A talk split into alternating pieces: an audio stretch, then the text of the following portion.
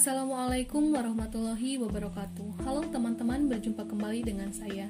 Apa kabar nih? Mudah-mudahan masih sehat semua ya, amin. Jangan lupa juga buat selalu jaga kesehatan dan kebersihan. Saya Nitan Siti Walkisya dengan NIM 2008991 Dari Program Studi Pendidikan Ekonomi B 2020 Universitas Pendidikan Indonesia. Di sini saya akan berbagi sedikit ilmu lagi kepada teman-teman semua. Jangan bosan ya.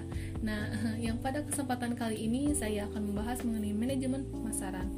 Uh, telah kita ketahui bahwa keberhasilan suatu perusahaan dalam menjual sebuah produk tidak terlepas dari peran manajer pemasaran. Nah, setiap produk yang terjual hebat tidak hanya dikarenakan uh, hebatnya cara berjualan seorang pedagang, tetapi juga akibat dari proses dan aktivitas marketing secara keseluruhan yang tepat dan bersinergi dalam menganalisis pasar. Nah, manajemen pemasaran ini diartikan sebagai suatu bentuk usaha yang diperuntukkan untuk merencanakan, mengimplementasikan, serta mengawasi atau mengendalikan kegiatan pemasaran dalam suatu organisasi agar tujuan organisasi dapat tercapai secara efektif dan efisien. Nah, e, menurut e, seorang ahli yaitu Phil Kotler, manajemen pemasaran ini adalah analisis, perencanaan, pelaksanaan, dan pengendalian atas program yang dirancang untuk menciptakan, membangun, dan mempertahankan pertukaran yang menguntungkan dengan pembeli dengan maksud untuk mencapai sasaran organisasi.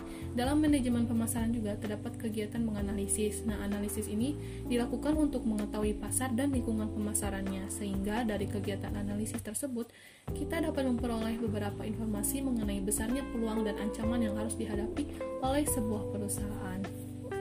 Selain itu, eh, manajemen pemasaran juga memiliki unsur-unsur penting loh teman-teman. Nah, unsur ini terdiri dari tiga bagian. Yang pertama ada orientasi terhadap pembeli atau konsumen. Nah, produsen menghasilkan berbagai jenis barang dan jasanya untuk memenuhi kebutuhan konsumen serta mencapai kepuasan konsumen yang berujung pada keuntungan yang didapat. Dalam hal ini, berarti konsumen memiliki orientasi yang paling utama. Nah, pada proses marketing juga nih dalam bisnis ya, mengedepankan konsumen ini merupakan bagian dari strategi konsep pemasaran yang sangat e, perlu untuk diperhatikannya.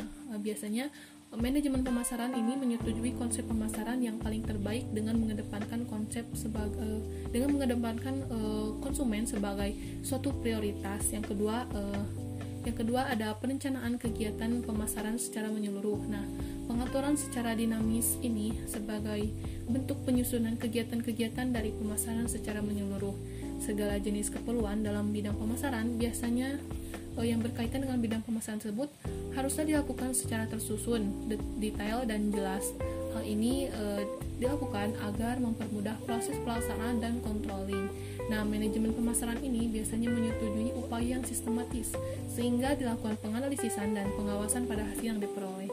Yang ketiga ada kepuasan konsumen. Nah, unsur ini juga merupakan unsur yang penting dalam penyusunan strategi pemasaran ya.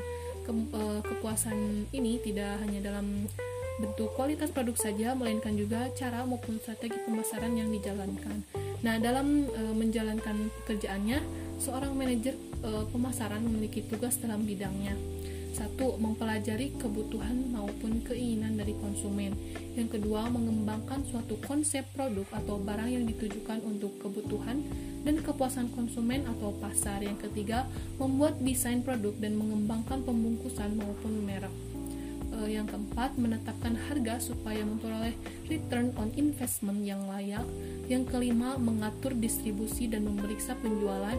Yang keenam, menciptakan komunikasi pemasaran yang baik dengan memakai media atau cara lain. Nah, yang terpenting caranya tepat juga ya teman-teman. Nah, teman-teman, mungkin sekian dulu yang dapat saya sampaikan. Mudah-mudahan bermanfaat ya. Mohon maaf apabila ada kesalahan.